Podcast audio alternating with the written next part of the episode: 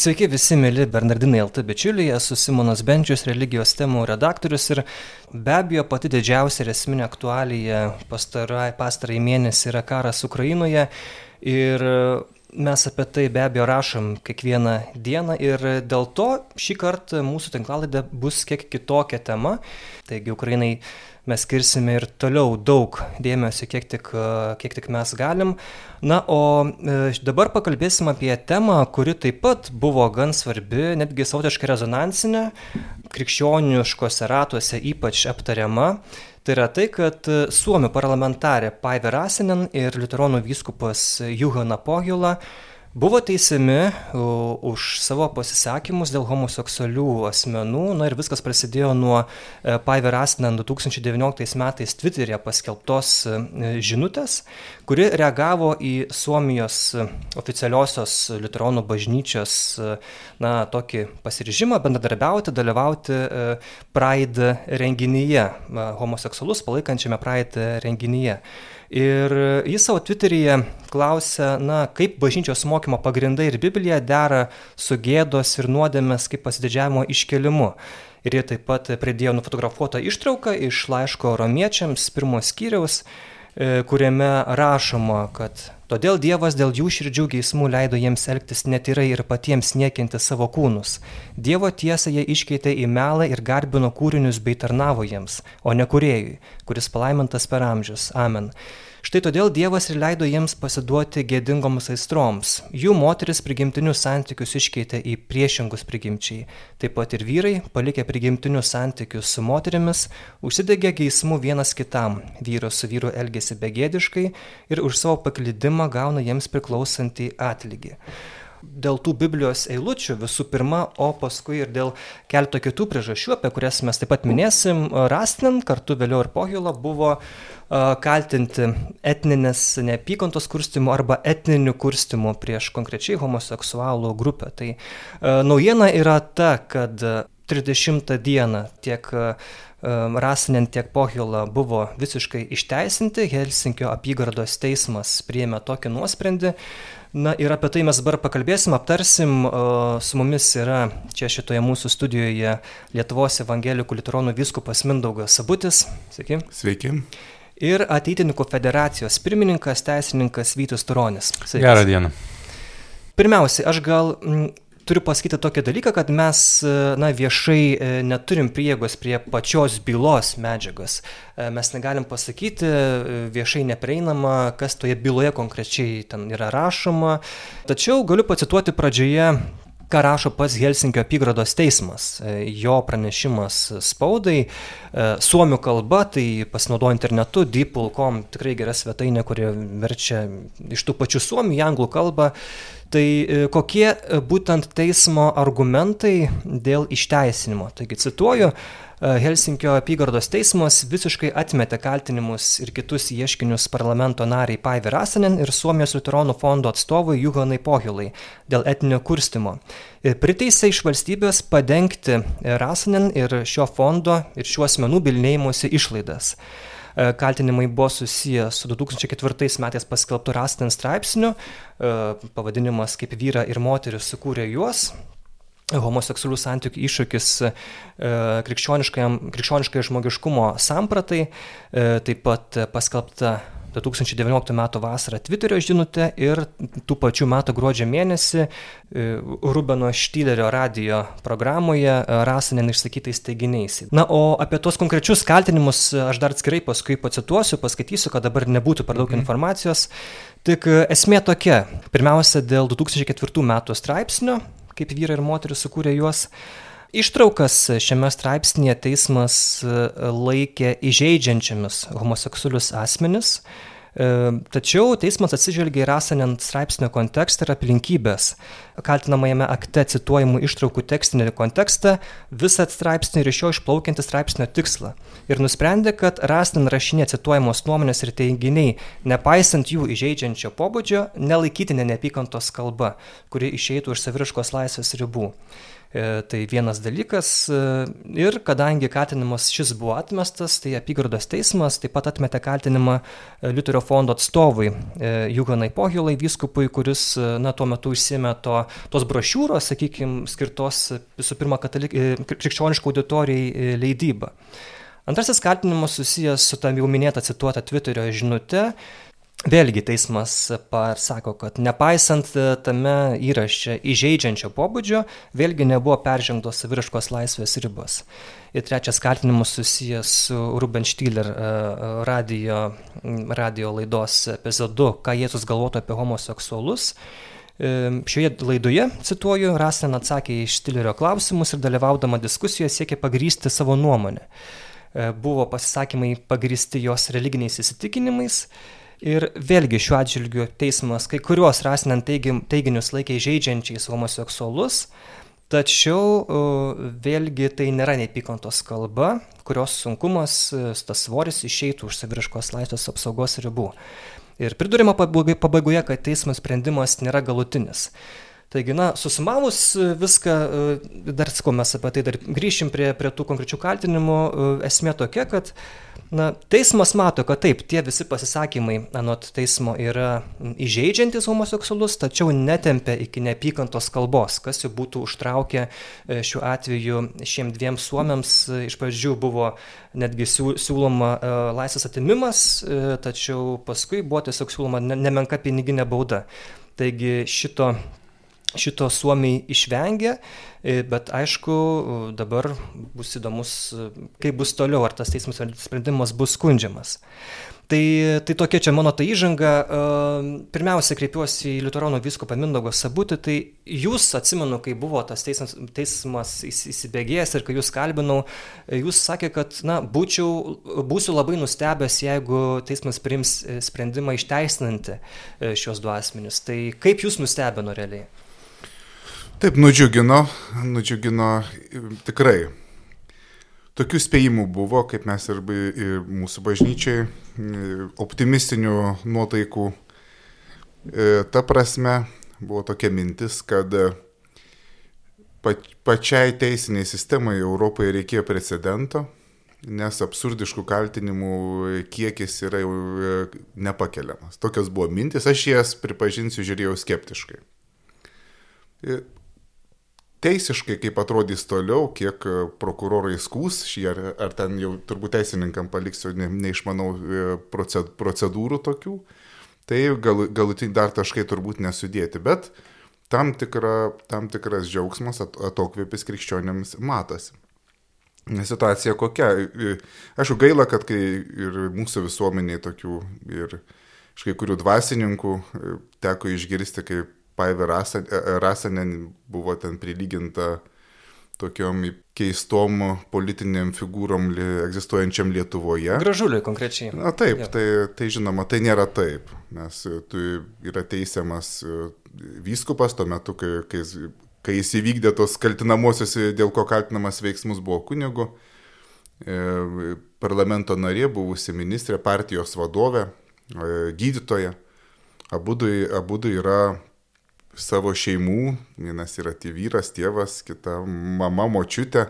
Per tą laiką jinai jau, kol, kol, kol tyrimas vyko, vyko jai gimė dar anūkų papildomai. Taigi žmonės, kurie, kurie yra visiškai adekvatus ir kurie aiškiai žino, kas jie yra. Ir kame toksai did... džiaugsmas yra, kad vis dėlto bent šansas krikščionėms yra viešai skelbti išskelbti savo, e, savo nuomonę ir savo tikėjimą. Kitu atveju būtų labai panaši situacija į kokią nors na, Rusiją.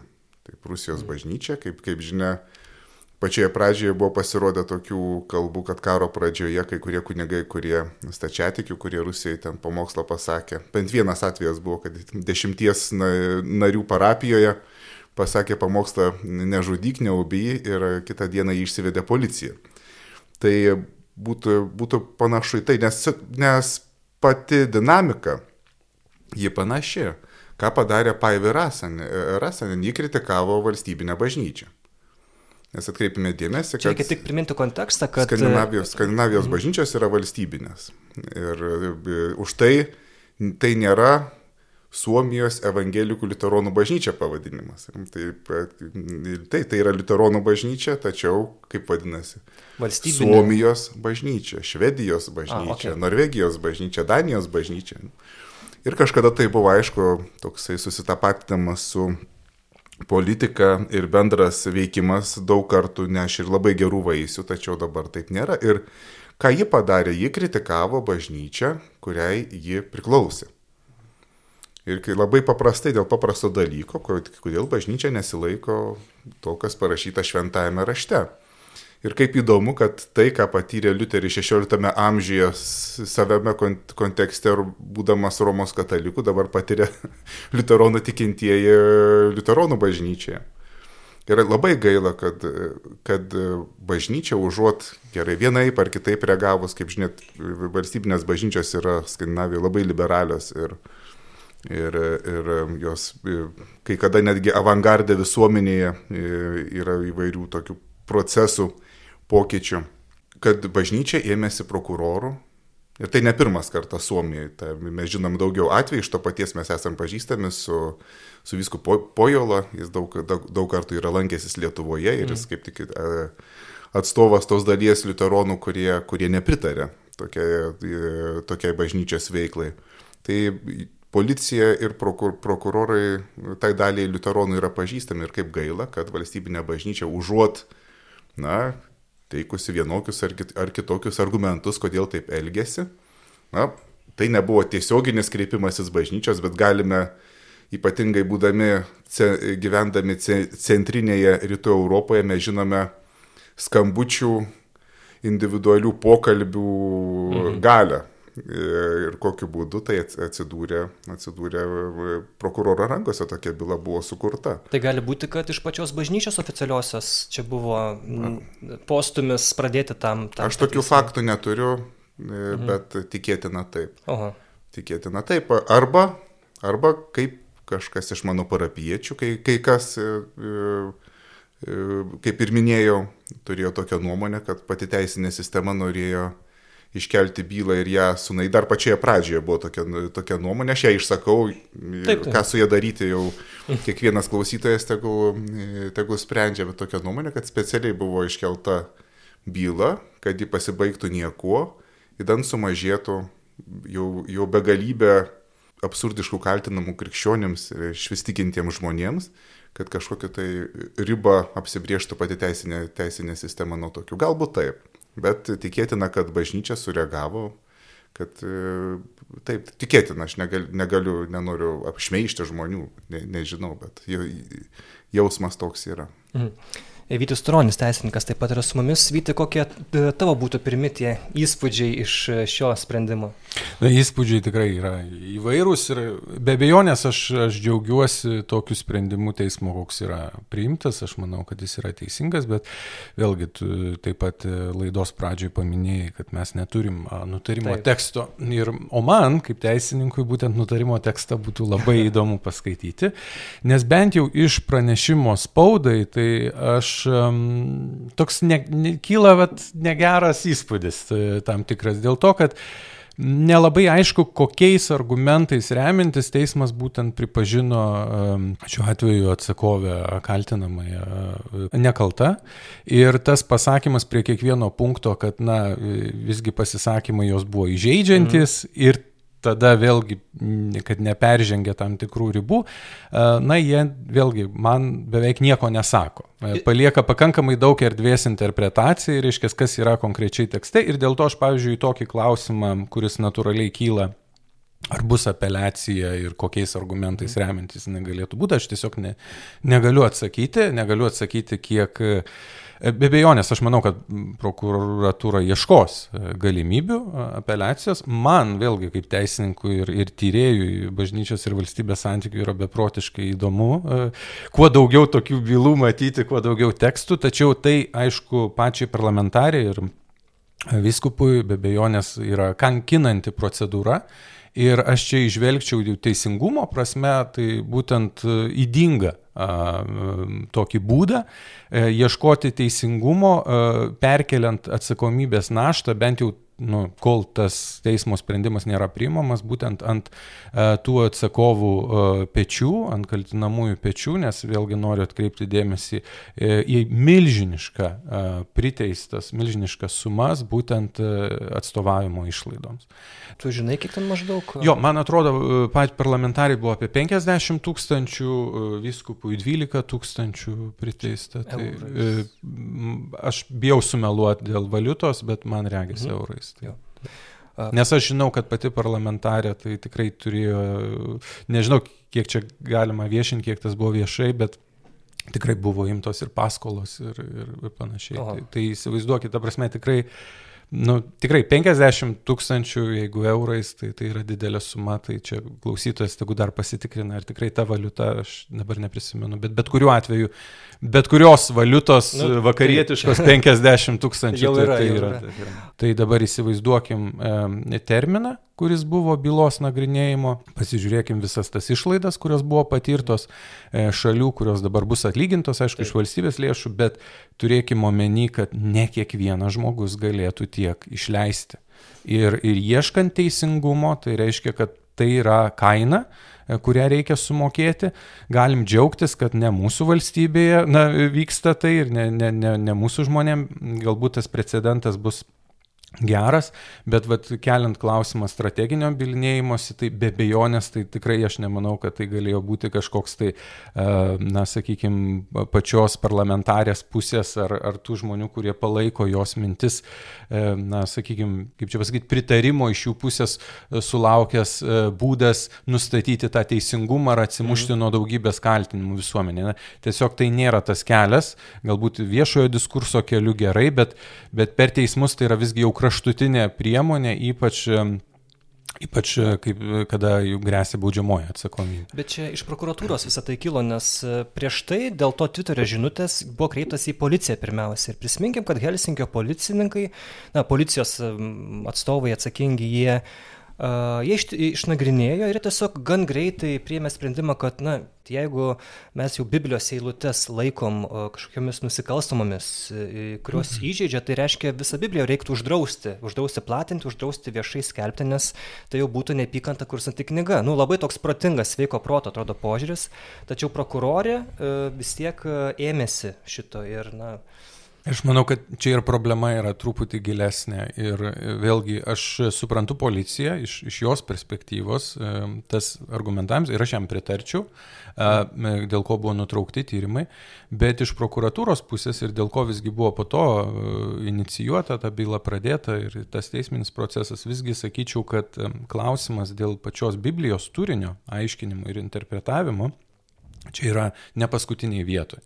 Ir aš manau, kad irgi tarp bažnyčių kyla diskusijų dėl Biblijos interpretavimo, dėl doktrinos nustatymo. Mm. Ir va tos problemos tada teisininkam, pasauliečiam, pasauliniam teismam, taip pat, e, reiškia, pasaulietiniam, taip pat e, prokuroram kyla. Iš tikrųjų, tai visgi kaip traktuoti vieną ar kitą Biblijos eilutę ir, ir vieną ar kitą doktrininį turinį, arba ar traktuoti jį kaip įžeidžiantį asmenis, ar, ar ne, ar e, kur yra va šitos bylos, va tas, sakykime, įdomumas iš tikrųjų tai, kad šiuo atveju tikrai yra rizikuojama, balansuojama ant ribos pripažinti tam tikros, na, e, na sakykime, jeigu ne e, religinės bendruomenės visos, tai tam tikrų tikinčiųjų, turinčių, na, gilų tikėjimą, tikrai e, būtent jų tikėjimo doktriną prieštaraujančią žmogaus teisėms arba tam tikriems teisės mm. aktams.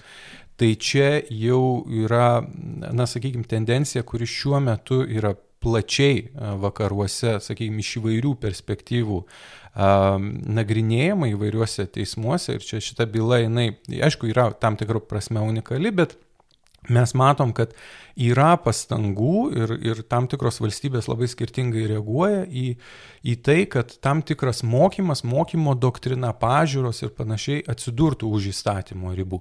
Tai va tą laikau ypatingai pavojingų reiškiniu ir kad, sakykime, po šios bylos aprims sumažės tokių dalykų, ar, ar kad kažkaip tai išsispręs į vieną ar į kitą pusę, tai aš tikrai neturėčiau vilčių. e, greičiausiai tai bus labai testinis e, procesas, kur reikės ne vieno precedento, dar kad mes, nu tos ribos, kurios kažkada tai anksčiau savaime buvo suprantamos, aiškios, nusistovėtų naujos. Greičiausiai bus kažkokių slinkčių, kokios to bus pasiekmes religijos laisviai, ar mūsų klasikinė prasme suvokiamai žodžio laisvai, tai nu, dar sunku prognozuoti.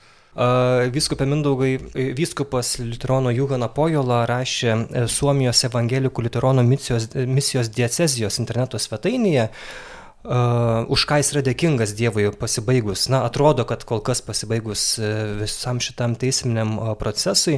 Ir vienas iš tų dėkojimų yra, dėkoju Dievui, kad šis įvykis nepalaužė nei mano šeimos, nei manęs, bet stebuklingai mūsų apsaugojo.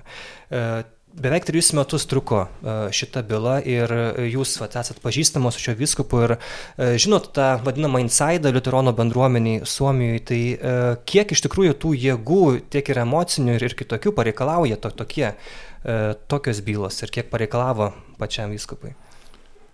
Mes paskutiniu metu mm, nebendravome intensyviai, Tačiau, aišku, susirašinėjome ir, ir su juo, ir šiek tiek su ponia Paivė Rasin, ypatingai po mūsų ekumeninio e, per, per maldų už krikščionių vienybę savaitę. Tai mm. buvo išverstas tekstas nusintėm ir, ir aš nusinčiau jiems ir nuotraukas iš pasirašymo iš pamaldų ir jie padėkojo patiems, tai tikrai didelė parama.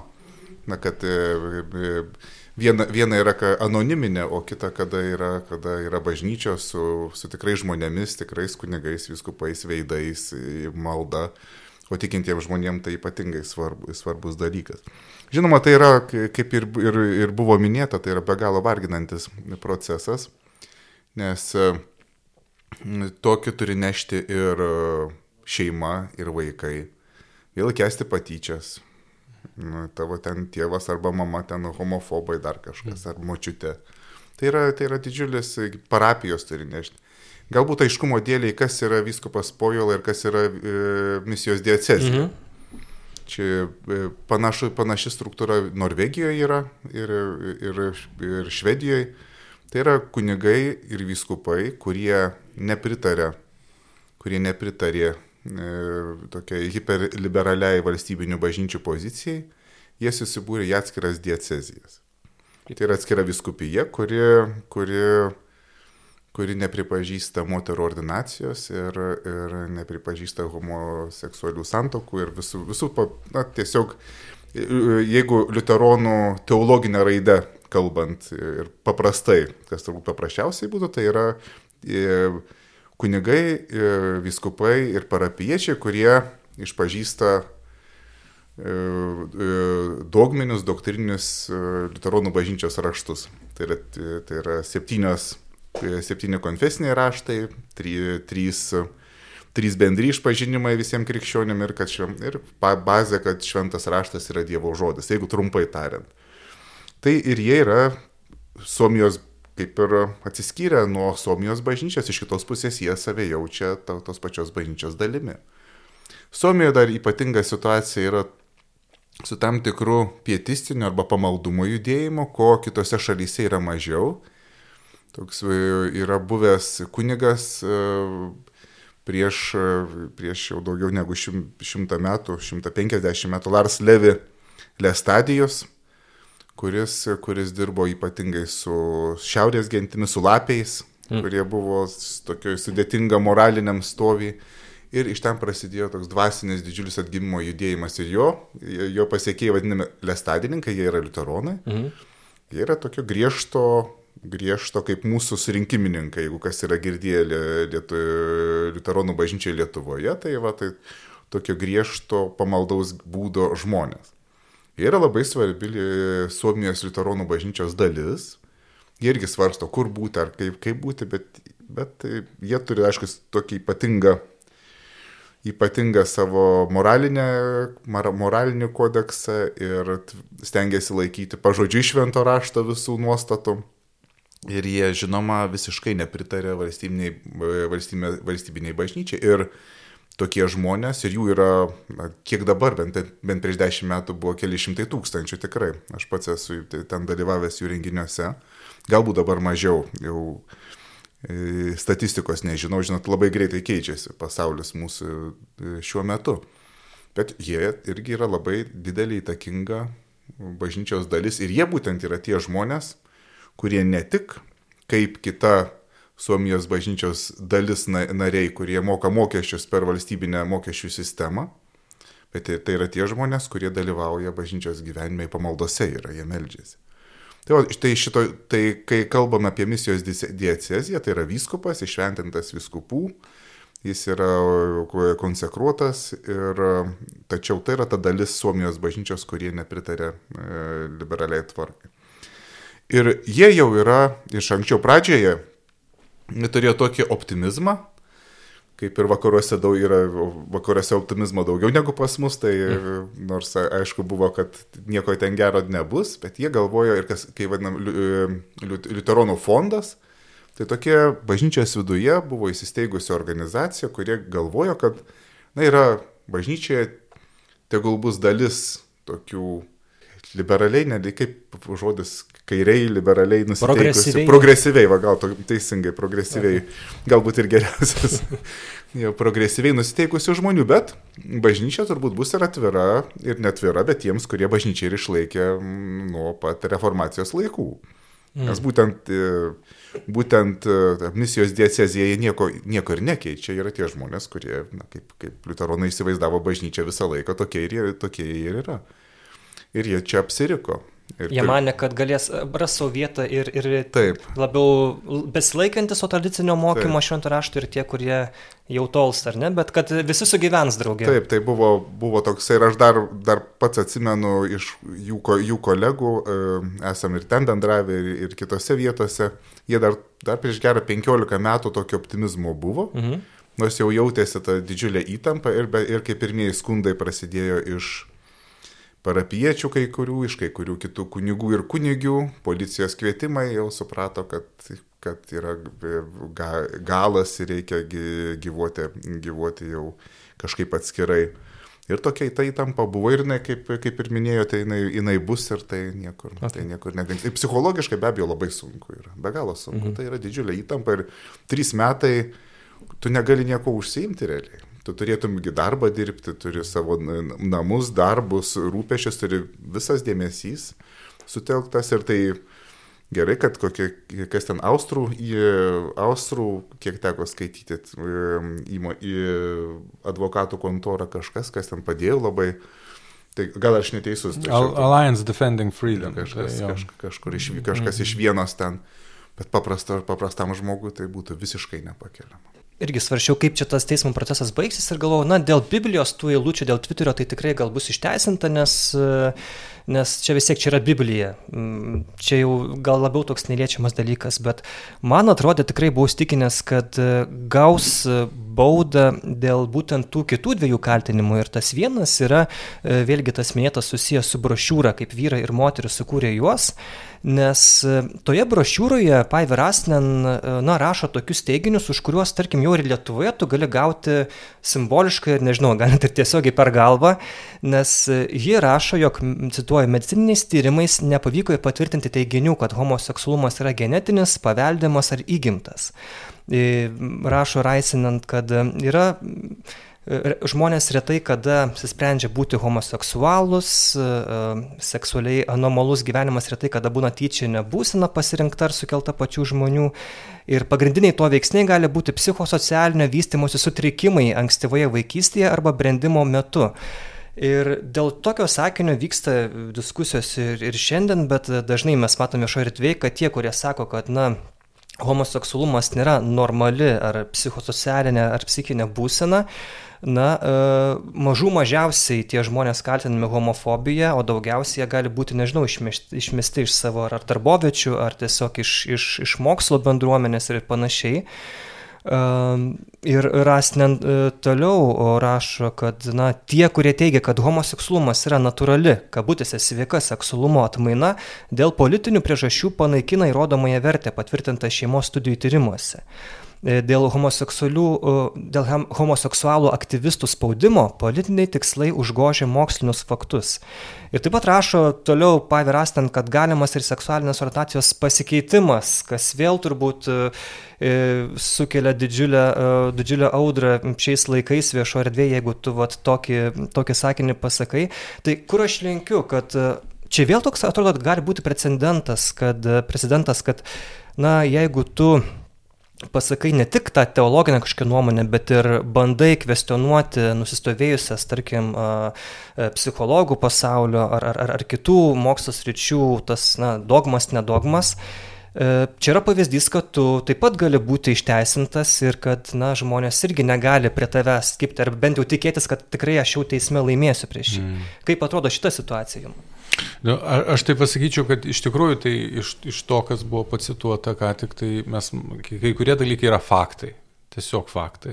Kai kurie dalykai yra nu, diskusijų mhm. objektas ir nuomonė. Ir, ir aišku, ten, kur nėra kažkokių tai atsakymų, tikrai tai ar mokslinių atsakymų, tai labai sunku yra. Ir, ir man atrodo, kad šitame žaidžia labai daug emocijos. Ir, ir kodėl emocijos žaidžia? Dėl to, kad man, pavyzdžiui, irgi nepatiktų, jeigu aš save nu, pavadinkim mane lietuviu, tarkim. Mhm. Ir dabar kažkas pradėtų kitos tautos žmonės pradėtų apie lietuvius visai mąstyti. Tai čia normalu būti lietuviu ar, ar nenormalu, čia lietuvis yra, žodžiu.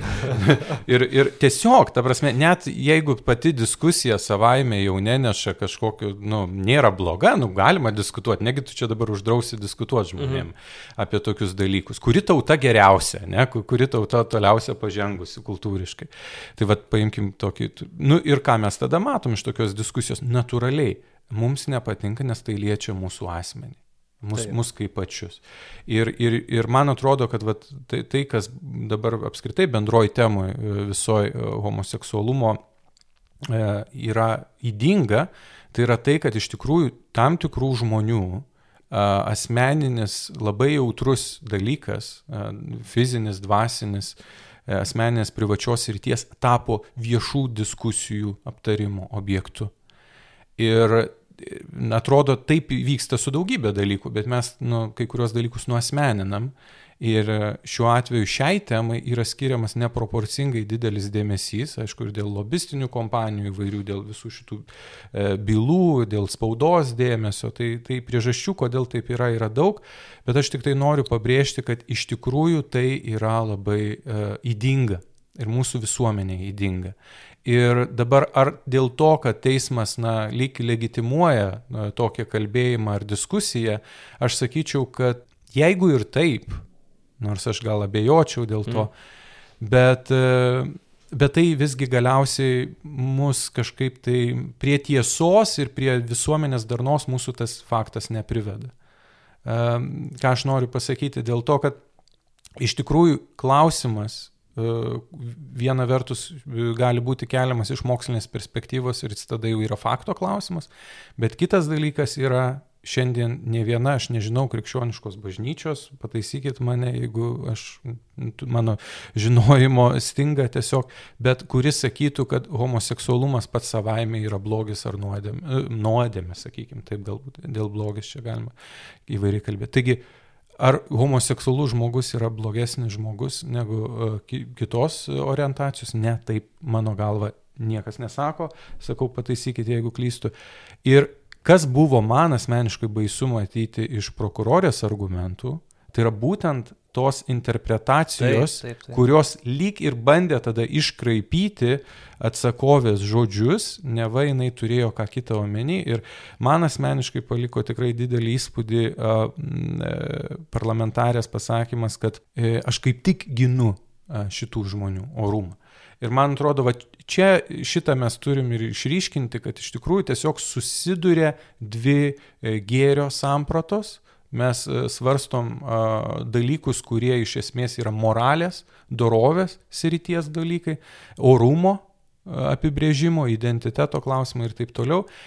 Ir šitie klausimai, kurie yra tikrai politiniai klausimai, jie na, negali tapti persekiojimo objektu, nes iš esmės tada galima paneigti laisvos demokratinės visuomenės pagrindinius principus. Tai e, religijos e, turi skirtingus pažiūras, įvairios yra ideologinės grupės, kurios turi skirtingas pažiūras, bet demokratinė valstybė iš tikrųjų turėtų ieškoti a, taikaus sugyvenimo formų, būdų, nespręsti konfliktus baudžiamosios teisės priemonėmis, bet sudaryti galimybės skirtingom diskutuojančiom pusėm kalbėtis tarpusavyje. Tai va toks būtų mano šeities taškas ir tada tik tai va dar noriu išiškinti, kad iš tikrųjų um, tokie sprendimai, jie nors ir neturi lemiamo, sakykime, lemiamos reikšmės pačių problemų sprendimui mm. visuomenėje, bet galiausiai jie vat, mus ir kreipia prie tos minties, kad palikim teisinės priemonės į šalį, atidėkim, tai yra brangu, bet galbūt mokykime to viešojo diskurso, eikim į atvirumą ir gerbkim vienas kitą ir taip pat tuos žmonės, apie kuriuos kalba, nes tos pagarbos labai dažnai pritrūksta, bet iš tikrųjų jos pritrūksta dėl to, kad kartais yra peržengiamos būtent to intimumo ribos. Ir čia jau etikos kultūros Taip. dalykai. Papildyčiau Vyti, kad e, čia labai įdomu, jo reikia pabrėžti, kad tiek katalikų, tiek ir be abejo liuteronų bažnyčios jos e, skiria tą homoseksualų polinkį žmogaus, e, įgimta, neįgimta, čia kitas klausimas, čia šituo atveju gal netiek svarbu nuo tų pačių veiksmų atliekamų, ar ne, homoseksualių, sakykime, ir, ir, ir viso kito. Ir tas pats polinkis, jis, tu, tu nesi blogas dėl to, kad tu tiesiog, tu, tu, tu jį turi. Ir čia labai įdomu, kad pavyrasinant tiek policijoje, tiek ir teisme daug kartų jį turėjo ir aiškinti elementariai, mm. kas yra nuodėme šventajame rašte, kad Jeigu e, kažką šventas raštas vadina nuodėme, tai nereiškia, kad, na, e, kaip pasaulietiškai, kad supranti, kad tu jau kaltini, kad pats žmogus jau yra visiškai blogas, ten e, niekšas ir, ir dar kažkoks. Kad na, šventas raštas ir krikščionybė skiria nuodėmę nuo paties žmogaus, ten, kur, kuris bando tą nuodėmę kovoti, ar jaučia tam tikrus polinkius ir, ir, ir panašiai. Tai, tai čia vėl ir pavirastin pati rašo, kad nu, aš labai tikiuosi, kad dabar bent jau, e, kad ir tokiu būdu per teismus e, ta savoka nuodėmė irgi savotiškai yra išteisinama, kad e, jeigu žmogus kažkur viešo erdvėje vartos to žo, šito žodį, kad jis jau nebus kaltinamas automatiškai nepykantos kurstimu. Na, nu, aišku, Paivrastin visą laiką labai optimistiška yra ir, ir, ir dabar jinai tikisi, kad, kad, kad šitaip ir bus. Bet kaip jums atrodo? Na gal tęsiant e, ar papildant Taip. E, kai kurias mintis prieš tai išsakytas. Pirmiausia, žinoma, di, di, didelė bažnyč, bažnyčiai bėda visuomet yra, kada bažnyčia nueina toliau nuo Biblijos mhm. ir imasi kitų argumentų. Bet pavienis žmogus jis nėra bažnyčia. Tai, tai čia pirma.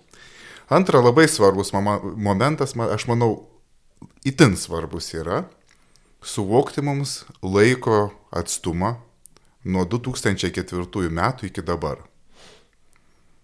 Pažiūrėkime į mūsų politikus. Dar prieš dešimt metų, kai buvo kalbama apie tos pačius klausimus. Pažiūrėkime į mūsų humoro laidas tarp 90 ir 2000 metų kokias nors. tai kokia kalba dabar turbūt jau, jau turbūt grėstų, bet vos ne iki gyvos galvos už, už, už pasisakymus. Yra Jūs laikas. 2004 metus minit dėl to, kad tais metais ta brošiūra išėjo. Brošiūra 2004 ja. metais ir dar buvo viltis, aš ją prisimenu, viltis e, tarp ortodoksinių krikščionių, liuteronų, kad įmanoma argumentacija, kad tai yra argumentų kalba. Mhm. Tai buvo viltis, jos nebėra, tai nebėra argumentų kalba baigėsi, yra emocijų kalba. Vat kažkas įsižeidžia, ne kaip teismas, įžeidu. Ir Biblija tuomet e, jinai yra pilnai įžeidžianti visus. Nes kaip, kaip jeigu Jėzaus žodžius paimsim, niekas nenueis pas tėvą kaip tik tai per mane.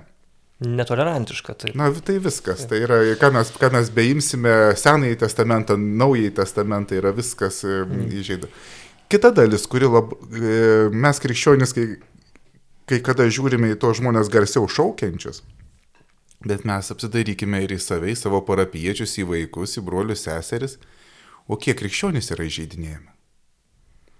Ir arba kiek neigia, neigiamas krikščionių buvimas, priminsiu visai neseniai mūsų vieno, kiek, kiek, kiek metų praėjo, kiek dešimt ar, ar mažiau daugiau, plus minus vieno pop, pop muzikos atstovo, prisimenat vajų krikščionybę Lietuvoje okupacinę. Kas čia buvo, priminkit? Toks, Kas taip sakė? Na, tai Tiesiog, Pasakykit drąsiai čia. Tiesiog, tiesiog tai buvo, buvo teiginys, o susiraskite internete, turbūt yra, turbūt. Krikščionybė Lietuvoje okupacinė ir buvo toks keletą mėnesių toksai ir, ir prie katedros stovima su, plakat, su plakatais jo. ir teiginiais. Tai okupacinė tai kas okupantas, aš ar mano vaikai, mm. ar mano seneliai, ar mažvydas, ar brėtkūnas. Taigi, tai čia kaip pavyzdys, bet tokių daug yra. Daug yra tokių, kurie neigia e, arba iš karto pasakoma, jeigu tu esi krikščionis, tu esi tamsuolis, vadinasi, visi tavo argumentai yra niekiniai. Mhm. Tai e, mes irgi, mūsų krikščionis taip pat turi širdį, sielą, taip pat yra, taip pat yra užgaudami. Žinoma, tai nesuteikia krikščioniui, netveria rankų, bet krikščioniui ką nors užgauti. Reikia būtinai pasvertai kalbėti ir argumentuotai. Bet žinoma, tu kai yra em, emocijų daug ir bėda gal, kad kai kurių žmonių ar e, grupės žmonių emocijos yra iškeliamos kaip vertybė, kitų žmonių emocijos kaip kažkas, e, kaip, na, tokia neurastenijos atmaina, ne, jeigu jau krikščioniui nepatinka, na tai čia fundamentalistas susinervino kažko, žinai, jeigu mm -hmm. netgi ar musulmonui kažko, ko jisai, ko jisai pergyvena, arba žydui kažko, nu ką čia irgi, irgi kažko, kažkoks, kažkoks senamadiškas, bet jeigu tam tikrai visuomenės daliai kažkas nepatiko, tai jau tai yra savaime vertybė, žiūrėkit, jis įsižeidė, jis įskaudino ir kiek mūsų antraščių yra, jis įskaudino, įsižeidė, pasipiktino ir kiekvieną, kiekvieną dieną tokių turime. Tai tiesiog e, mintys balsu, bet svarbu atstumas laiko. Žinoma, dabar tokiais, tokiais žodžiais nei Paiverasinė, nei kas kitas nerašytų ir nekalbėtų. Ir mes negalime įnešti į mūsų kontekstą tai, kas buvo prieš 16 metų parašyta. Tai jeigu galime čia tiesiog papildysiu, kad e, gal konkuruotų mano nuomonė su, su, su jūsų išsakyta iš vienos perspektyvos, dėl to, kad, aišku, kai kalbam apie baudžiamąjį persekiojimą, tai tokio, sakykime, ne, ne, yra tikrai neturėtų būti taip, kad persekiojama už tai, kas, kas padaryta anksčiau, tada, kai tam tikri teisės aktai na, negaliojo dar, net galinė data, tai čia faktas. Bet e, kita problema yra ta, kad žodžio laisvės e, tikrai ribos siaurėja ir mes tą matom, tačiau bent jau kol kas iš Europos žmogaus teisų teismo perspektyvos, konvencijos perspektyvos, e, tai iš tikrųjų ta e, tiek religinių nuomonių pluralizmas, tiek žodžio laisvė, jinai suponuoja, kad gali būti įsiskaudinusių žmonių visuomeniai. Gali būti, gali būti netgi įtampų. Mane gali dirginti tam tikri ženklai, E, kiti, kitų religijų simboliai, mane gali dirginti doktrina e, kitų.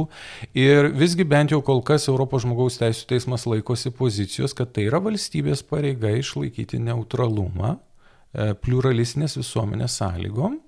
Tai yra nesijimti, na, sakykime, šališkų, šališkų veiksmų, kad viena ar kita grupė, na, pelnytų kažkokią neproporcingą paramą. Ir šiuo atveju aš manyčiau, kad problema yra ta, kad galbūt netgi ir dominuojančios viešoje erdvėje grupės šalininkai galbūt neįvertina, kad e, visas tas spaudimas kultūrinis, kurį atlieka, na, sakykime, nesažiningų būdų, kaip pat e, viskupas gerbiamas sakė, jau nebediskutuojant argumentų kalba, bet ieškant kažkokios lasdos, galios, e, reiškia, principų, galiausiai atsisuka prieš visus Nes tikrai e, šiandien dienai, e, kaip vystosi tam tikros, na, dar sakykim, ta pati feminizmo idėja, kaip jinai vystosi, matom, kad dalis pačių feminiščių jau kenčia nuo to. Mes matom, kad dalis žmonių, kurie šiandien galėtų būti teoriškai priskiriami tam tikrom mažumom, kažkokiam visuomenėm, visuomenės grupėm, jie kenčia, nes jų idėjos yra nebeatstovaujamos. Ir, iškis, tada tampa apskritai nebeaišku, kas stovi kokie konkretūs žmonės stovi, kokie jų poreikiai už tų ideologinių grupių e, ar tų asmenų, kurie kartais valstybės gale bando įtvirtinti vieną neklaidingą tiesą. Ir dėl to aš čia visiškai pritarčiau, kad bažnyčios ir valstybės santykiai, bet ne tik, tam tarpe ir tam tikrų e, sakykime, politinių grupių ir valstybės santykiai, kada jie tampa ne tai, kad privilegijuoti, bet monopoliniai kada to galios įrankiai, valstybės galios įrankiai jau yra nebe nešališkai, sakykime, vykdantis teisingumą, bet naudodami na, asmeniniam tikslam siekti, tai yra labai įdinga praktika, nuo kurios vakarai E, na, sakykime, ilgus metus jau nusisukinėja ir, ir dramatiškai kartais tas nusisukimas kartais priveda tikrai prie didelių turbulencijų, čia galim skirtingose visuomenėse tai skirtingai reiškiasi, bet man yra tiesiog šiandien dienai, nuoširdžiai be didelio dramatizmo, man yra neramu e, už, už, už visus. Nesvarbu, kuriuose ideologinėse pusėse jie šiandien stovi, nes šitas kelias, kuris yra dabar pasirinktas, jisai veda iš tikrųjų jau į, į, į blogas pasiekmes, kur mes jau nebegalėsim e, kažkaip tai pažiūrėti vienas kitam į akis ir, ir tada bus kovojama taip kaip džiunglėse, džiunglių įstatymai. Tai man kaip teisininkui tuo, dėl to yra labai neramu, bet aš turiu vilties dėl Lietuvos.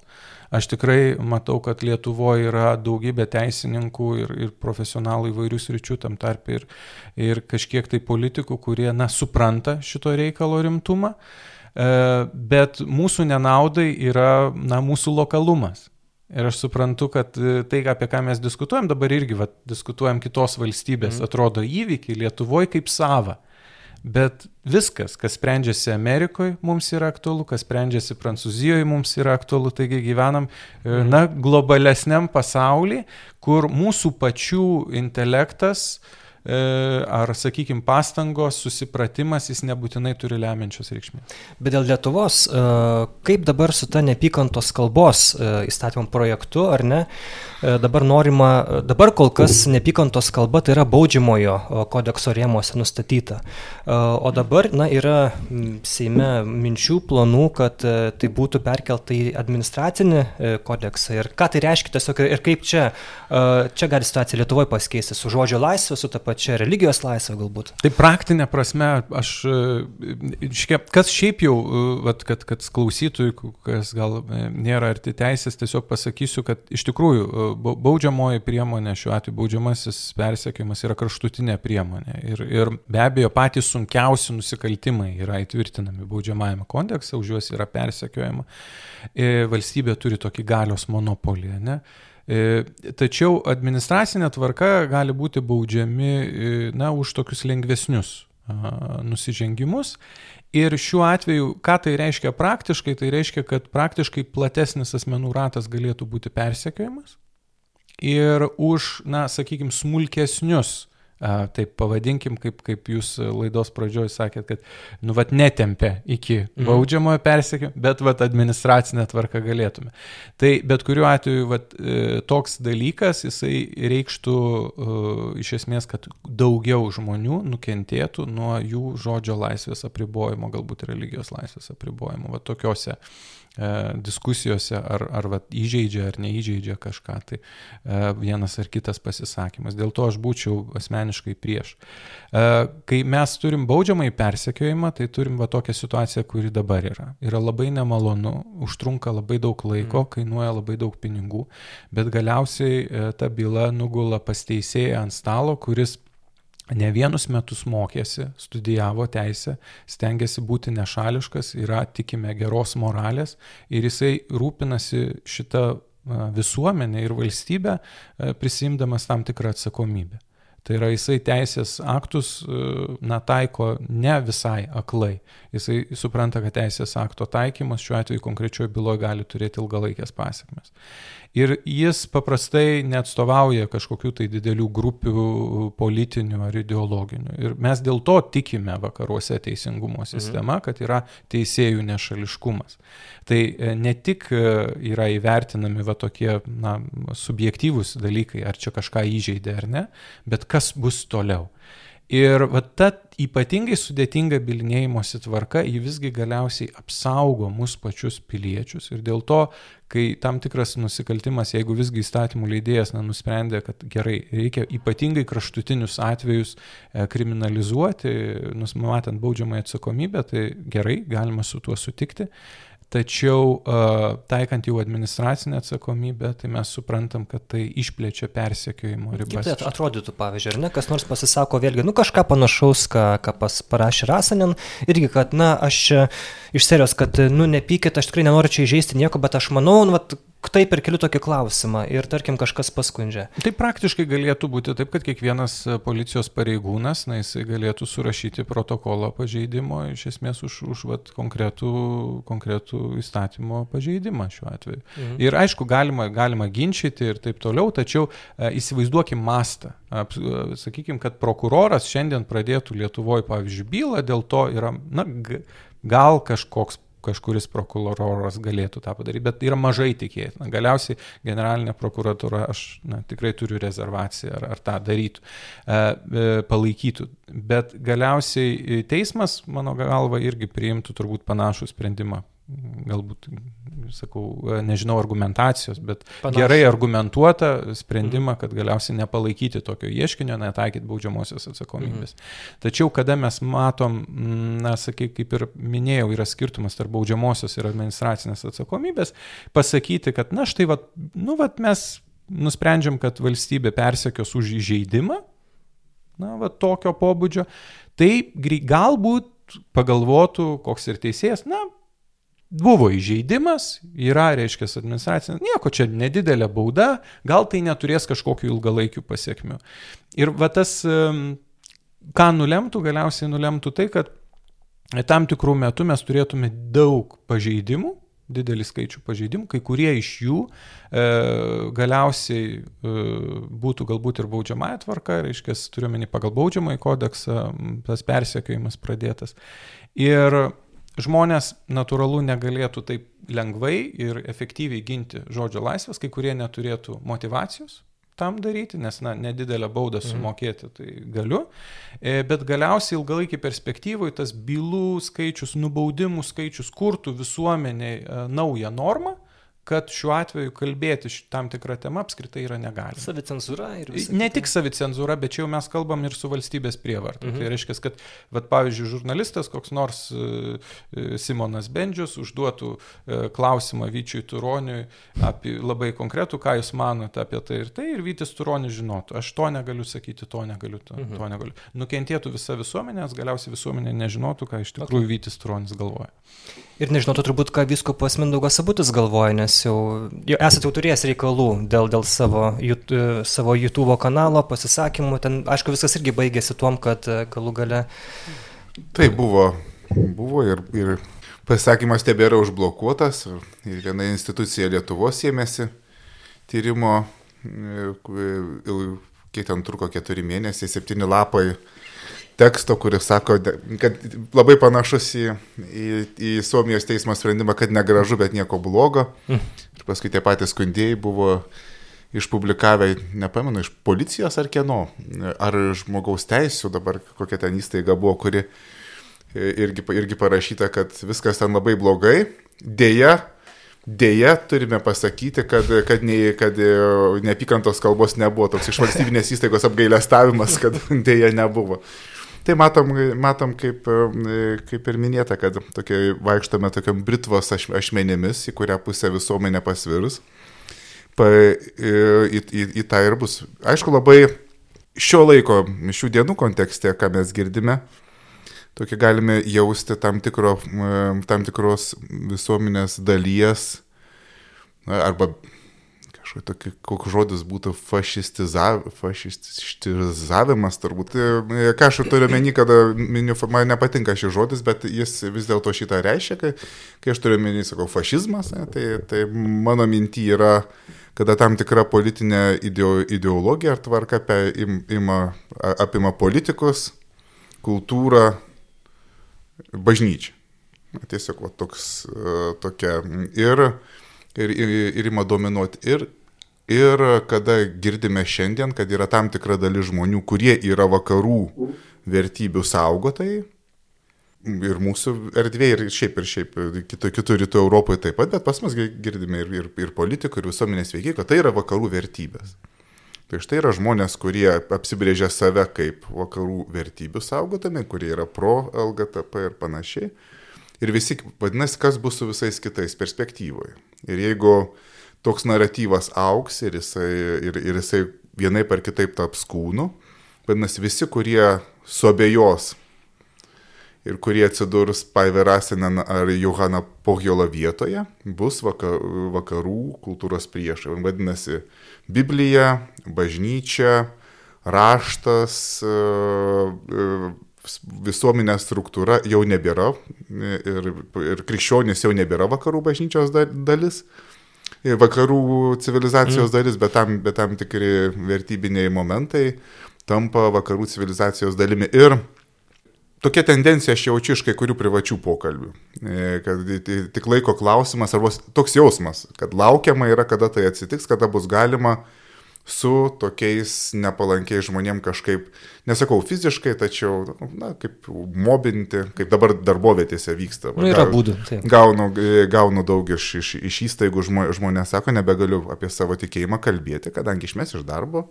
Būnant, gauna. Taip, taip, yra, yra, yra įvairių konfesijų žmonės pasako, arba kada ir vyko e, tie mano tie, ten pasakymų blokavimai, irgi žmonės atsiuntė SMS, sako, negaliu viešai palaikyti, kadangi, kadangi arba verslas žlugs, arba būsiu, būsiu išmestas, arba būsiu stigmatizuotas savo darbovietėje, aš palaikau, melžiamės, bet pasakyti viešai negaliu. Tai tam, tai... Bet čia skandalas. Čia... Bet taip yra. Tai mes gyvenam tokioje visuomenėje, tai yra tik, tikrovė. Į ką tai pavirs? Tai turime melstis ir sunku pasakyti. Galima nuspėti, nes kaip matom, uh, tas 21 amžius, kai sakome, kaip 21 amžiuje gali vykti, tai yra kalendorinis faktas, ne? kaip, mm. kaip kaina su abeliu elgesi, taip kaina su abeliu elgesi ir, ir, ir elgsis ir iki pat pasaulio pabaigos. Bet tokios tendencijos, man atrodo, yra ir jos yra visuomeniai pavojingas supratau, kad, žodžiu, mano pašnekovams neįputė per didelio daug optimizmo šitas teismo. Džiaugsmo suteikia, džiaugsmo suteikia. Taip, bet, bet aš noriu pabaigoje pačioje, kad mes pagirtumėm Paiverasną, nes tikrai, nu, reikia, nes Taip, tie visi sunkumai, paskolos, didžiuliai pinigai, e, emocinis nuovargis greičiausiai ir visa kita, bet kaip jinai laikėsi. Uh, žmogus tokioje situacijoje, tarkim, turėtų turbūt visas teisės e, vadin, nu, laikytis tikrai didžiulę auką, verkšlenti nuolat e, ir tiesiog na, sudušti iš vidaus ir iš išorės ir kaip tik nori, bet Rasenan visą laiką pasitempusi, optimistiška, linksma, su meile kalbanti. Kalbanti tuos faktus, nesempinti nieko, bet kartu tiesiog jinai, na, pakėlusi galvą aukštai ir netgi dalyvavo ten kažkokiam tai muzikiniam kaukės šau, ten leopardą užsidėjusi kaukė ten su galva, nu, žodžiu, dainavo ten tas dainas ir irgi ten buvo kiti pasipiktinę, kaip čia homofobija, čia dabar teisėma, čia gali dalyvauti ir, nu, žodžiu, tokia atrodo, vat, moteriškė tokia, uh, kur tu jos taip lengvai nepaims ir atrodo pavyzdys kiekvienam krikščioniui, kaip Ir ypač vakariečiui, tokiem, nu, vat, suskistėjusiam, ar ne, palyginus su, su, su tai, kas dedasi Sirijoje, ar ten artimuosius rytuose, ar toje pačioje Rusijoje galų gale dabar, ir be abejo U Ukrainoje, kad kai tu, vat, sulaukia tokių iššūkių, tokių spaudimų, tokių polimų, kad tu, vat, kaip Jėzus sako, tu pakel galvą, ar ne, tu su, su džiaugsmu, kaip tik įmanoma, tai priimk ir tu atrodi, kad štai, vat, jūs, aš nepasiduosiu, šia gėris nugalės. Ir, nu man tai čia labai toks geras pavyzdys. Geras, aš pritariu ir, ir man teko bendrauti su jie asmeniškai truputį nedaug, mm. bet uh, tai paliko tikrai gerą įspūdį. Ir uh, aš tiesiog galvoju, kaip aš pats reaguočiau tokioje situacijoje ir, ir kaip elgčiausi, tai nemanau, kad aš pasiekčiau tokį aukštą lygį.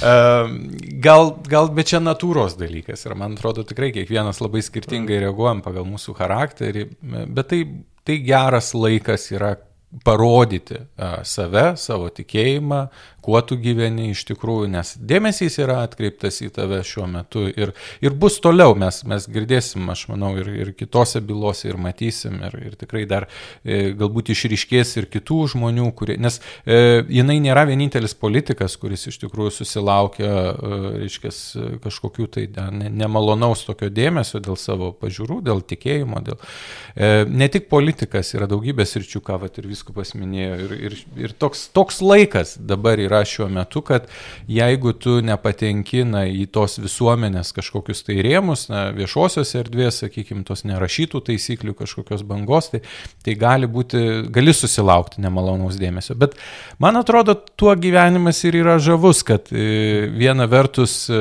toje kelionėje, e, tuose įtampose, susidūrimuose galiausiai iš tikrųjų išryškėja labai dideli žmonės. Kur vat, tada, kai yra va taikos metas, toksai sakykime, ramu, visi sutarė, atrodo, visi mes esame tokie, nu, vat, vienodi, ne? Bet štai, vat, kažkokio persekiojimo metu išryškėja tikrai didelės asmenybės, į kurias jau mes galim kreipti savo žvilgsnį ir, ir klausti savęs, o ką, ką tas žmogus turi, ko, ko aš neturiu, ne? Ir, ir, ir galbūt pasimokyti kažko. Tai tikrai manau, kad e, tokių asmenybių buvo per žmonijos istoriją ir ateityje tikrai bus ne viena. O apie ką jūs bendravot su Paivė? Tai apie šitą bylą. Šitą bylą? Be, jo, mes susitikom Austrijoje ir, ir, ir ten taip pat su, su jos gynėjais teko bendrauti ir su kitais politikais, reiškia, buvusiais mm. um, užsienio reikalų ministrais kai kurių valstybių, kurie irgi, na, žino tą kontekstą, žino tą politinį kontekstą. Tai uh, yra įdomu matyti, kad uh, iš tikrųjų pasaulyje, na, sakykime, tikrai daugėjant tokių bylų, daugėjant ir to persekėjimo, visgi žmonės nesudėję rankų, ne, nesėdi ir nelaukia, kas bus toliau. Ir, ir vyksta tam tikra mobilizacija žmonės supranta, kad, na, jeigu šiandien patylėsi dėl kito žmogaus, jeigu katalikas patylės dėl persekiojimo liuterono, tai turbūt galiausiai ateis ir kataliko eilė. Mhm. Kažkada ir atvirkščiai. Tai man atrodo, šiandien dienai tikrai nepaisant kokiu tikėjimu, konfesijų ar, ar netgi ateistai turėtų tikrai suklusti dėl žodžio laisvės labai rimtai, nes, nes ateis diena, kai, kai ateis ir ateistų eilė, juokauju. Bet iš tikrųjų taip gali būti. Na, matome, kad griuvėsiuose iškyla asmenybių netikėtai ir rytuose mes matome Ukrainos, Ukrainoje kiek, kiek e, žmonių ir kokie žmonės atsirado, nors jie, jie buvo. Taip. ir čia atrodo toksai, tokia, tai, tokia situacija, kada ta byla tokia ir šiek tiek ir, kaip ir gliti tokia, na, toks, na, bet matom jau paminėta stiprybė, kad Dievas mus įkvepia, kad, kad moteris išoriškai, to, iš, iš, išoriškai, na, tokia paprasta, kuklaus sudėjimo ir panašiai gali tokius, tokius dalykus atlaikyti ir taip drąsiai laikytis, tai mums yra Dievo dovana, kad turime tokių pavyzdžių. Ir čia, kai kada mes keikiame internetus, mhm. bet, bet turbūt didelis, didelė dovana yra, kad yra labai daug alternatyvių kanalų dabar. Kad turime būdų išgirsti, pamatyti, susitikti ar susirašyti, pa, matyti, kas vyksta. Tai labai gerai. O kaip krikščionės, tai uh, vat ir Paivė Rasinin, ką jinai yra kalbėjusi, kiek jos interviu arba pasisakymų, kiek teko klausyti ar skaityti, tai pagrindinės kas dalykas - Kristus. Ir visiems mums krikščionių labai geras priminimas, kad Dievo reikia klausyti labiau negu žmonių. Ir kad, kai baigsis Paivirasanen kelias, Johano Pojolos kelias, mūsų kelias, galės matysim Dievo veidą ir bus paklausta apie mūsų gyvenimą, kuo mes vadovavomės. Ir turbūt krikščioniui tai labai svarbu, kad Dievo reikia klausyti labiau žmonių, nors kad ir kaip žmonių balsas kartais atrodytų galingas, grėsmingas, garsus, Dievo, dievo balsas, kai, kai būna kai kada tylus, bet jis yra amžinas. Tai ačiū Jums, dar tik pabaigoje, kadangi vyksta karas ir galbūt po šitos laidos bus tokių piktavalių žmonių, kurie bandys pritemti tai, ką mes sakom, prie propagandos, kad štai, va, kaip čia vakaruose viskas blogai supuvę, o va štai Rusijoje yra krikščionybė klesti ir viskas tvarkoj, tai uh, nors pasiti, kad uh, tikrai ne. Uh, tai, kad mes galim čia diskutuoti ir kalbėti atvirai, kas yra gerai, kas negerai vakaruose, tai yra mūsų stiprybė. Tuo mes skiriamės nuo tos pačios Rusijos uh, ir tos problemos, kurie, apie kurias mes kalbame, turbūt sutikti sutiks, tai yra palyginti dar niekai tai, kas dedasi Rusijoje, ką Rusai daro Ukrainoje. Taigi visi propagandistai tikrai nesivarginkit mūsų cituoti ar kažkaip kitaip suprasti, negu tai, apie ką mes kalbam. Tai va, tai aš buvau Simonas Bendžius, Bernardinai LT religijos temų redaktorius. Labai džiaugiuosi, kad E, čia tokie improvizuotoje studijoje buvo Lietuvos evangelikų liuteronų vyskupas Mindaugas Sabutis ir ateitininkų federacijos pirmininkas, teisininkas, geras žmogus Vytis Turonis. Ačiū labai, Simon. Ačiū. Iki kitų kartų. Sudė. Ir dar pridės pabaigoje, kad ir vyskupas yra geras žmogus, nepagalvokit kažko. Ne, ne, nebūtinai, nebūtinai. Ne, ne.